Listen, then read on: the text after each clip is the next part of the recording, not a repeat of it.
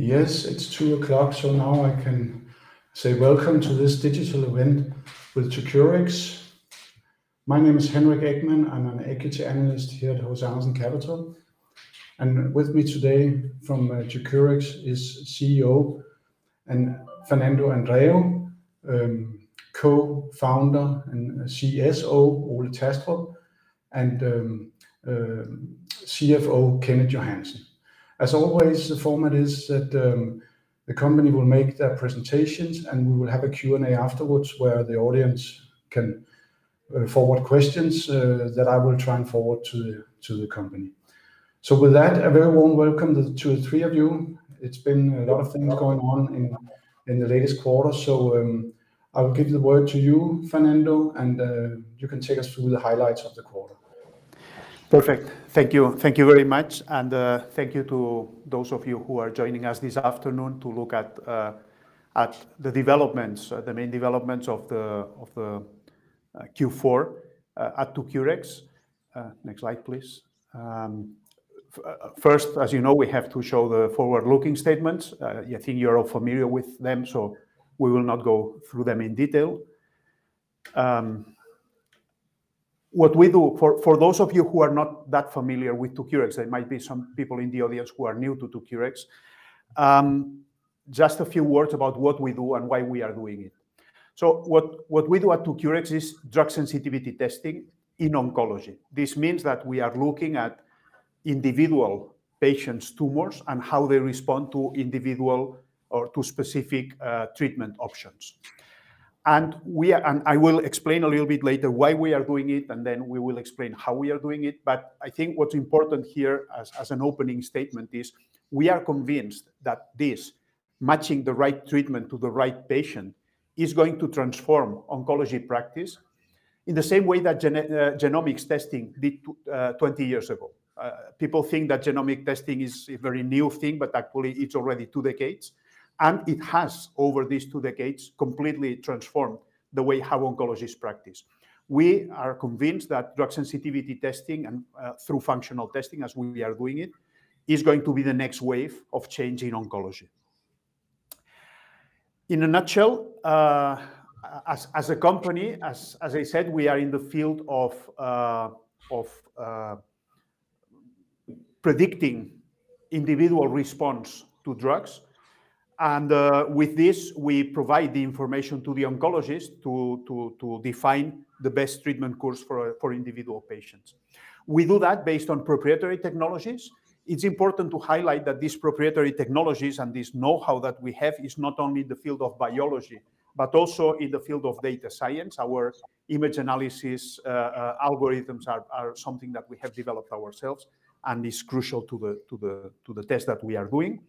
We have two tests which are already out in the market. I will uh, disclose a little bit later, and the third one that is uh, coming very soon.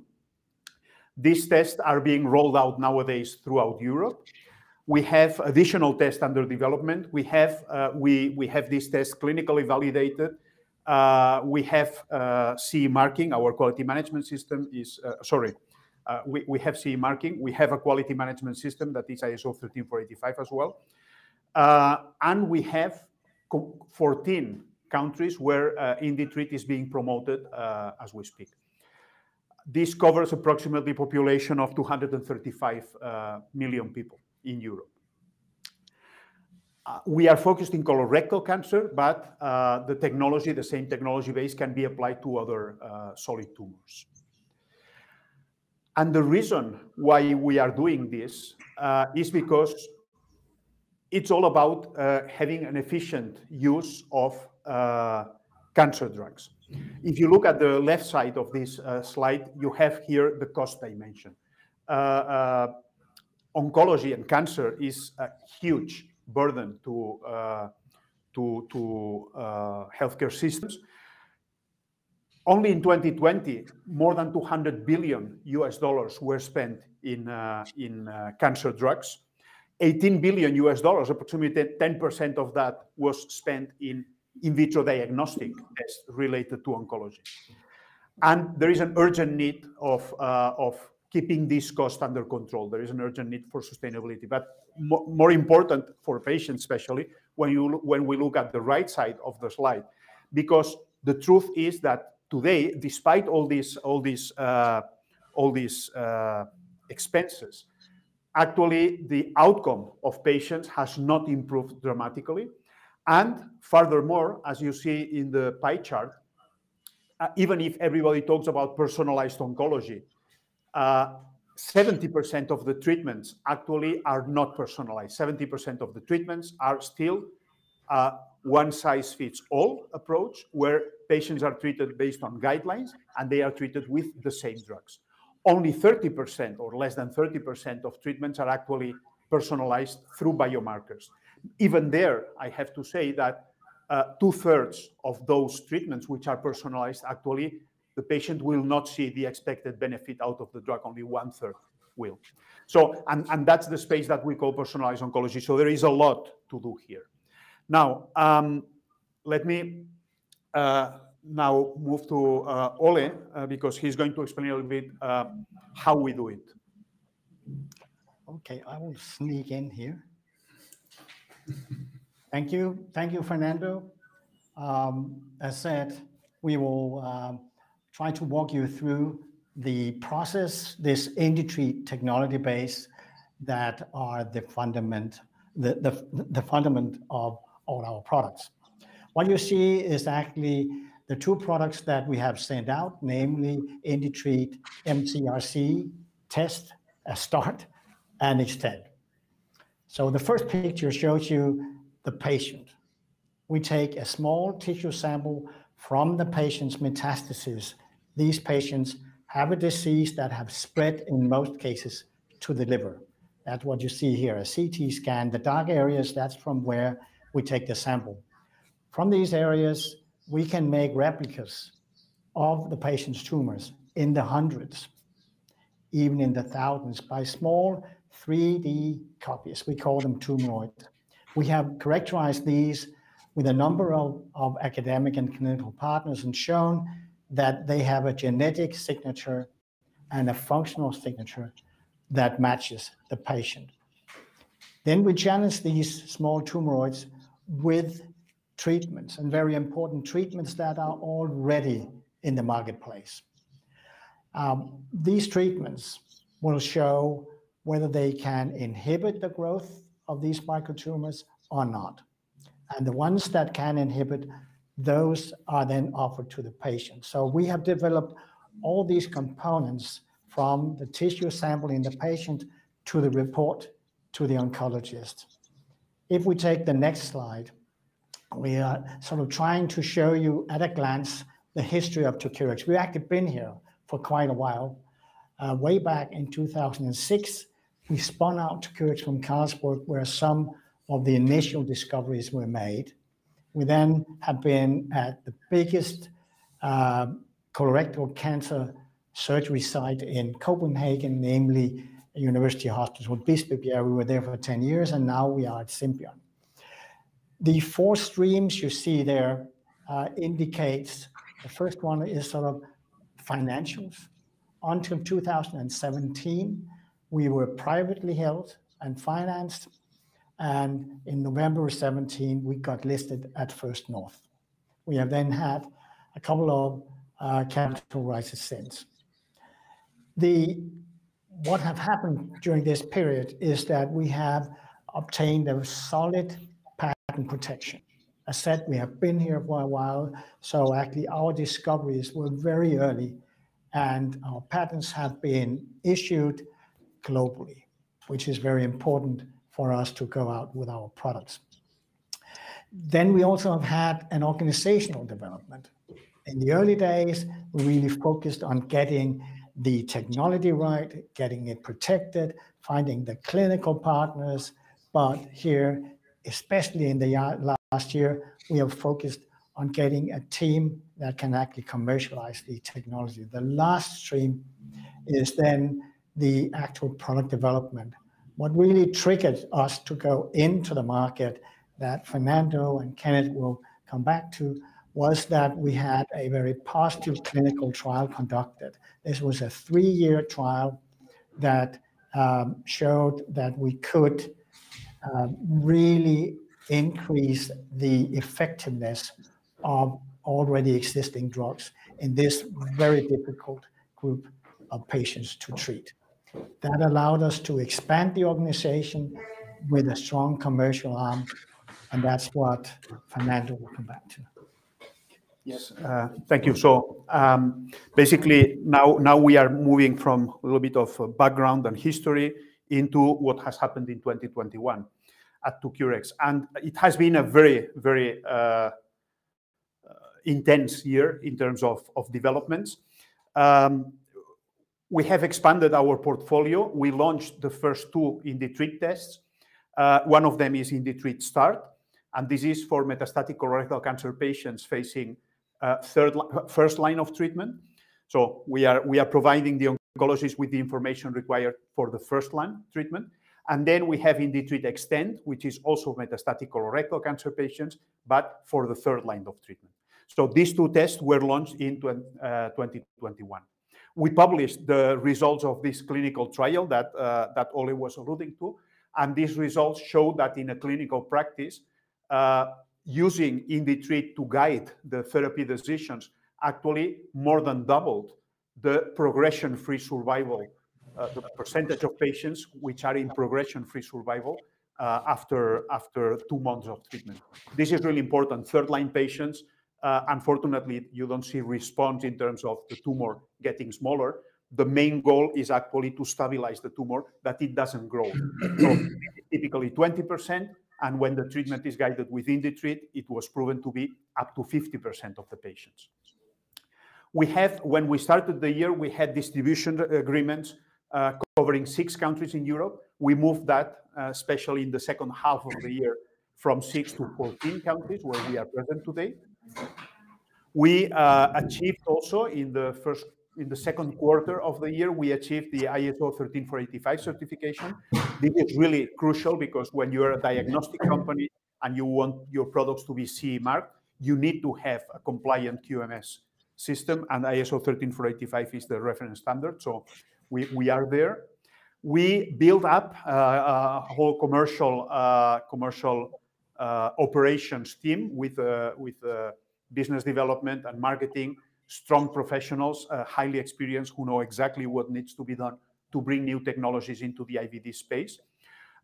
This knowledge about diagnostics, IVD, is also very important because it was, in the past, not uh, not that present. So the fact that uh, when I joined last year, that's also an event of 2021, and also Kenneth, both of us were coming from the IVD industry. So again, uh, having a better knowledge of the environment that we would be facing from from all perspectives. Um, we went, We we started promoting the products through our distributor network and actually received the first commercial order in the last days of the year. It was a small order, more symbolic, if you want, but really important for us as a proof of concept.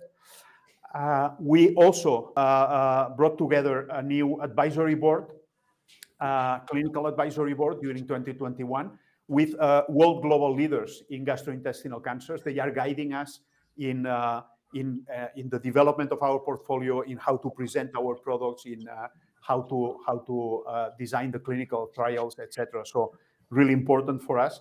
And finally, we launched, now that these two products are available and we have the distribution network in place, we launched what we call an early access program called Ignite. I will speak a little bit later about this, to give hospitals who are willing to try uh, IndiTreat in their clinical routine practice, to give them a chance to access that. Um, for 2022, we have uh, uh, defined three, or we have disclosed actually three goals, three different uh, areas. One area is the geographic rollout, and here, uh, as I said, we are now at 14 countries. We want to expand that to up to 20 countries in Europe. Uh, the second one is related to number of hospitals using IndiTreat. Uh it's this is a KPI related to the penetration potential of the test. We want to be at 30 hospitals at the end of 2022, and as I said, we have now two products in our portfolio. We want to add at least one more product. Here, I want to emphasize maybe having already two uh, tests just launching a third one might not seem a very ambitious goal, but actually, we have to remember that uh, in May, there is a significant change in the regulatory status, sorry, in the regulatory environment of the diagnostic test in Europe. Therefore, launching tests after May 2022 is going to be more complex because uh, the process just the process is longer. So uh, having three products in the in the portfolio at the end of the year is our goal. So to the first goal of uh, being present in in in in 20 countries, Uh, all I can say is, as I mentioned, we are already in these 14 countries that you see here in the in the picture, and we get very often the question, what happens with uh, France, Germany, U.K., which are uh, um, among the largest countries in Europe.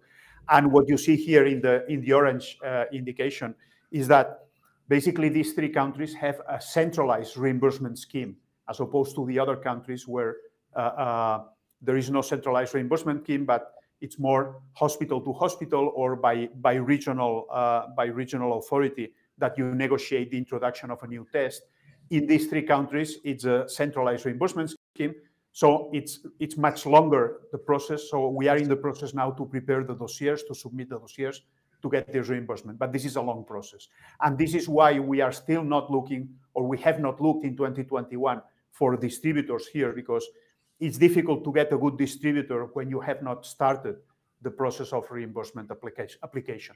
Now now we are in a better position to discuss uh, in these countries with potential distributors. Uh, the main task that distributors are doing now is uh, promoting the the IGNITE program. And this IGNITE program, basically, it's, as I said, it's designed to give hospitals the chance to test IndiTreat in real life. It's a program where we are sharing the cost of of, of this testing uh, with our distributors, so it's a joint effort with the distributors. And we, uh, as as, as I mentioned before, we are looking at having 30 hospitals using IndiTreat at the end of the year. Uh, what you see here is how we how we are rolling this out in our plan over the four quarters. So We're planning that in first quarter, we would have five hospitals enrolled. In the second quarter, we would have seven. Third quarter, we would have eight, uh, of course, additional. And then in the fourth quarter, we would add 10 more uh, for a total of 30. Uh, we are glad to say that as of today, we have already four hospitals who have enrolled in the program. Therefore, our goal of getting five in first quarter seems to be well in track. And then um, we have in terms of product portfolio, again, we have here uh, what the first two tests, uh, IndiTreat Start, IndiTreat Extend. And we can announce now that within in the month in this month of March that we are starting today, we will be launching the new IndiTreat mCRC Explore. This is also for metastatic colorectal cancer patients and looking at drugs that are approved for other cancer indications, not for metastatic colorectal cancer. Um, We also have our uh, IndiTreat Specimen Collection Set, which is the box that contains all the elements that are required to preserve the sample when when the sample is shipped to to our facilities in Copenhagen. And then uh, just a very very quick uh, word to the fact that we have changed the IndiTreat image also in, this, in this last quarter of the year. We launched a new logo that you can see here. Uh, and also we changed uh, uh, our communication strategy in the sense that we are going to be focusing our communication with healthcare professionals and distributors. We are going to be giving emphasis on the IndiTreat brand, while for for the markets and for for other stakeholders, we will continue to emphasize the 2cureX brand. Uh, uh, this new logo is now implemented in all our printed materials, and we are going to have in the coming weeks a renewed uh, website and the presence in digital media using this new image. So with this this is a summary of what has happened in 2021 and specifically in the fourth quarter. And now I think it's the moment for some financial highlights from from Kenneth. Yes. Should we shift, please? You can stand on my spot. So hello, and uh, good to see you here virtually. So I'll give you a quick update uh, on the highlights uh, for for 2021 and the Q4. As some of you might have seen and know, it was released to the markets last week on the 24th of February. Um, the highlights in it, I've addressed on this slide, that what you see from the outcome of 2021 is that we have a cash position of approximately 73 million Swedish kronor Uh, with a good uh, uh, equity ratio of 93%. Also given what you saw earlier in the presentation from the the amount of equity increases that we have had in the history of 2cureX. The result per share was a minus of 1.1 Swedish kronor, which I'll come to a little bit below. And the operating expenses, um, sorry, the operating income was 7.4 in 2021, whereas the operating expenses and our investments into the business was approximately 30 million Swedish kronor. We had a net cash flow of 14.1 million Swedish kronor in a surplus, which again comes from the uh from the capital increase that we've seen in 2021. We go out of 2021 and into 2022 with what we consider quite a strong foothold in terms of being Uh, cash sufficient for the operations and for the plans that we have put into place. Just a graphical overview of the last four years for 2cureX. What you see, um, again, there's a reference to the interim report, which you can find online uh, on our website, that the equity uh, and our cash have seen an increase during the last four years, which has been a good foundation for the future um, activities that we that we will that we will see close to. And just a quick overview, if we look at it from a quarterly perspective, this is uh this is our focus here. We're always uh, focusing on the on the business um, on as short terms as we can. So the Q4 in development here that we had a profit, uh, a loss in uh, Q4 for 6.2 million Swedish kronor. But in Q4 as well, a surplus of the uh of the net cash flow coming from uh, from a various amount of uh, payouts from tax incentives and finalization of some grants, which are included in what we call operating income.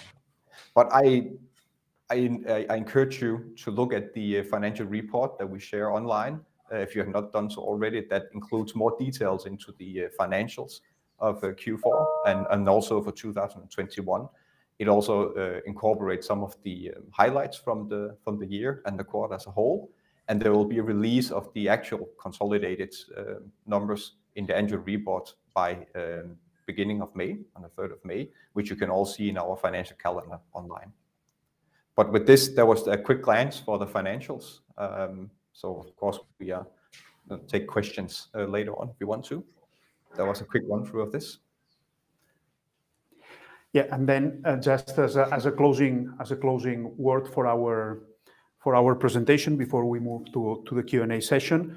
Um, what happens beyond 2022? What are the potentials for growth uh, of our business? Uh, we organize our our future expansion uh, planning around three dimensions. One dimension is the geographic one.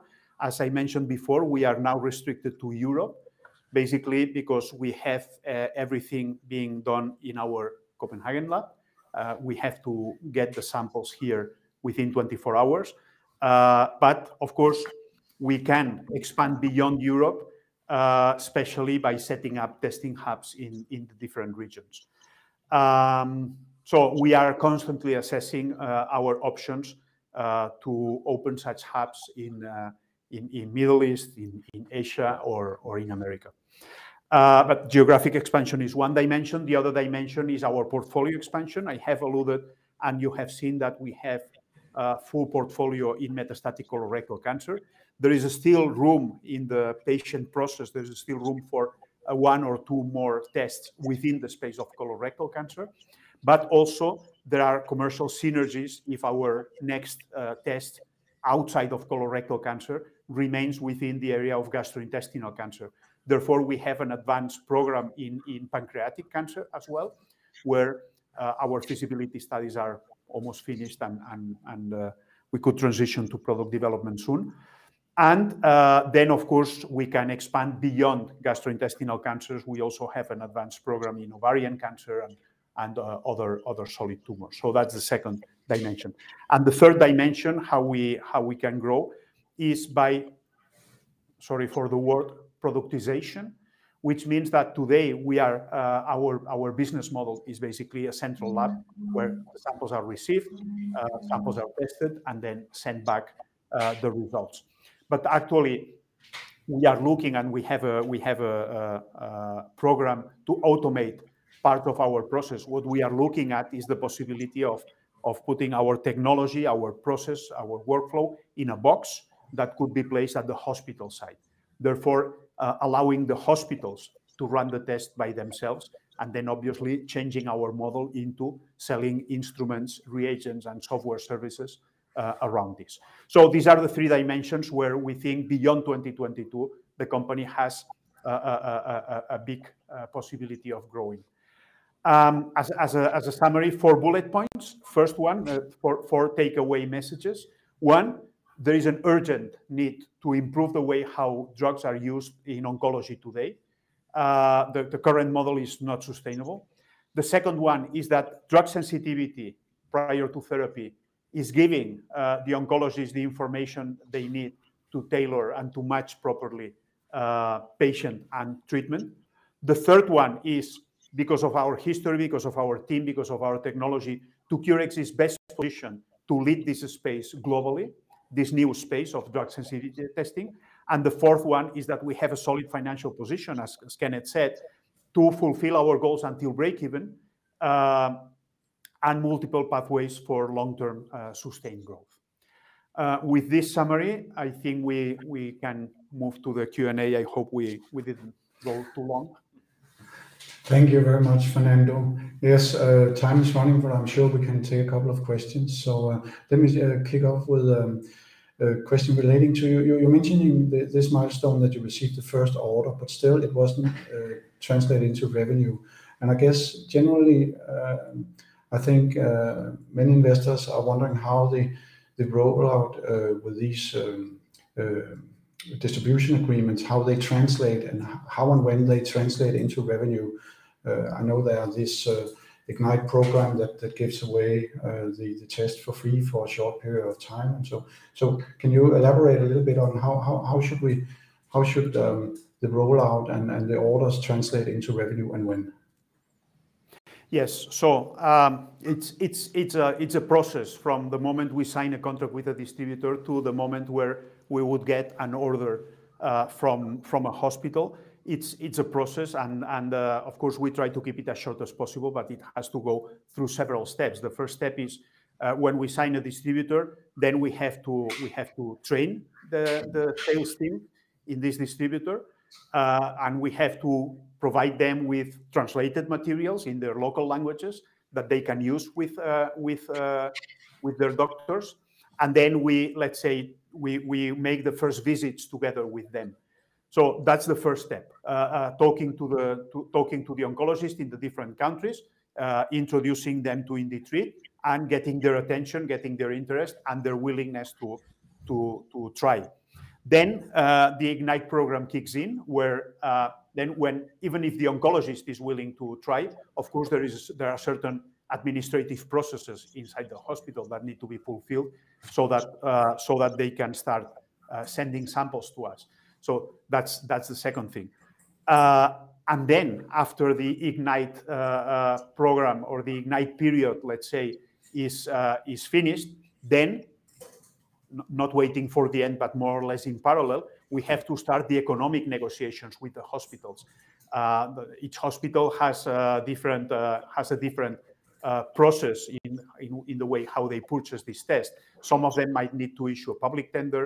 Some of them might be able to buy directly. Uh, we have to initiate this these economic and administrative discussions with the hospitals so that then they can start uh, placing the orders. Um, I got the question recently, and uh, how long do we think the IGNITE or the transition from the IGNITE period to a purchasing agreement would be? And I think in in our in our planning, in our modeling, we are we are looking at at least in the range of three months between uh, between the the free of charge period into the converting a hospital into a paying customer. Relating to the commercial rollout Sorry, plan. I. I, I just want to emphasize one thing because it's important. The Ignite program is um, is co-sponsored together with our distributors. So even from the Ignite program, we are expecting to see uh, some revenue uh, coming from our distributors.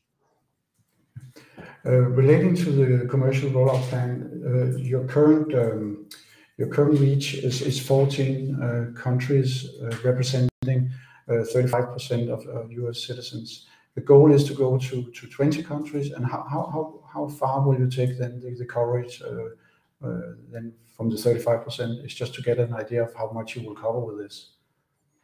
Yes, I am I am smiling because actually uh, uh, I wanted to include that in one of the slides, and then I was told by our by our uh, advisors uh, uh, that this is not a goal that we have disclosed, and therefore uh, I should not include this in in a slide before we have disclosed it publicly. So unfortunately, I mean I know exactly the number, but I cannot say it now because okay. I had to delete it from the slides. Okay. Uh, we will probably issue soon uh, uh, uh, some kind of announcement of some additional goals to the ones that we have uh, that to the ones that we have already disclosed.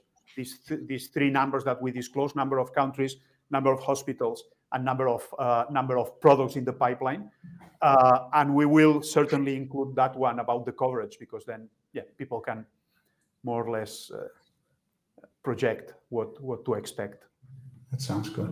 There's a question from the audience, uh, and as we move on to discussing your, your product line, uh, who, who are your biggest competitors?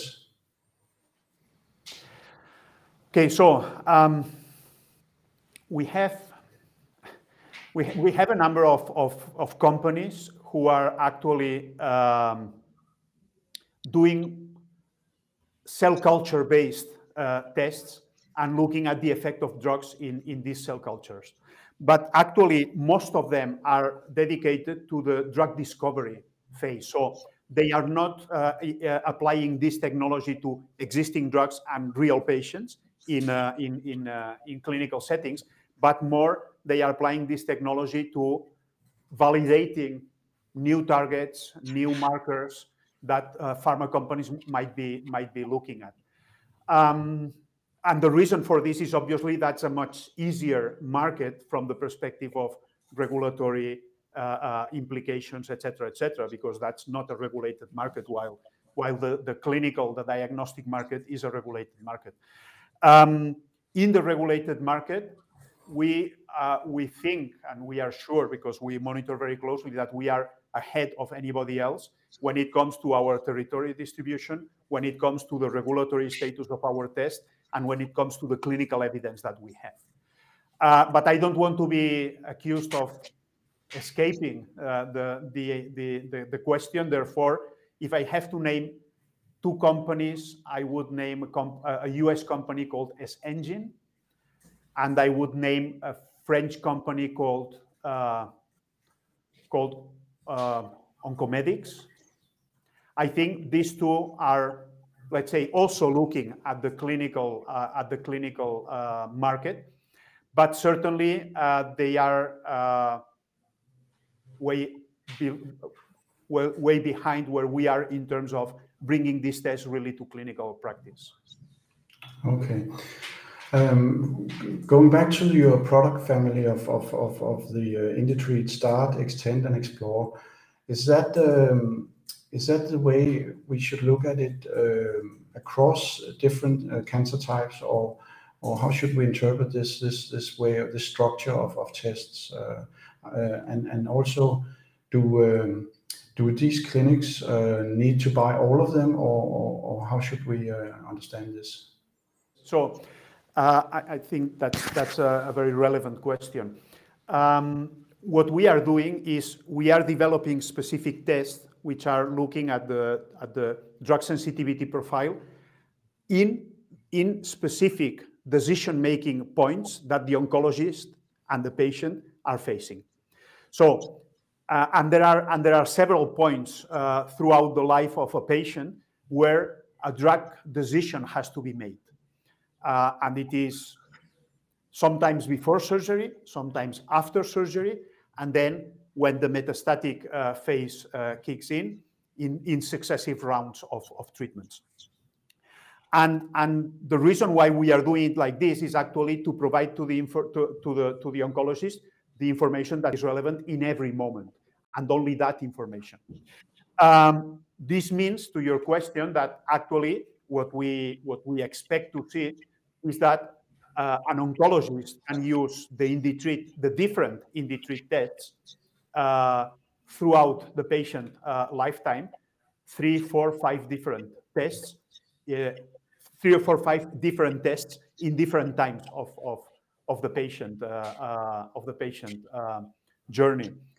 Um, and then, yes, we this is the, this is how you should look, think of for each and every cancer entity. So when when I spoke about the pancreatic cancer, we already have at least two or three different uh, ideas of different tests that could be positioned in the in the pancreatic space, and the same applies to others. So it's really important that these tests are tailored for clinical decision-making, and therefore, they have to be very, very specific.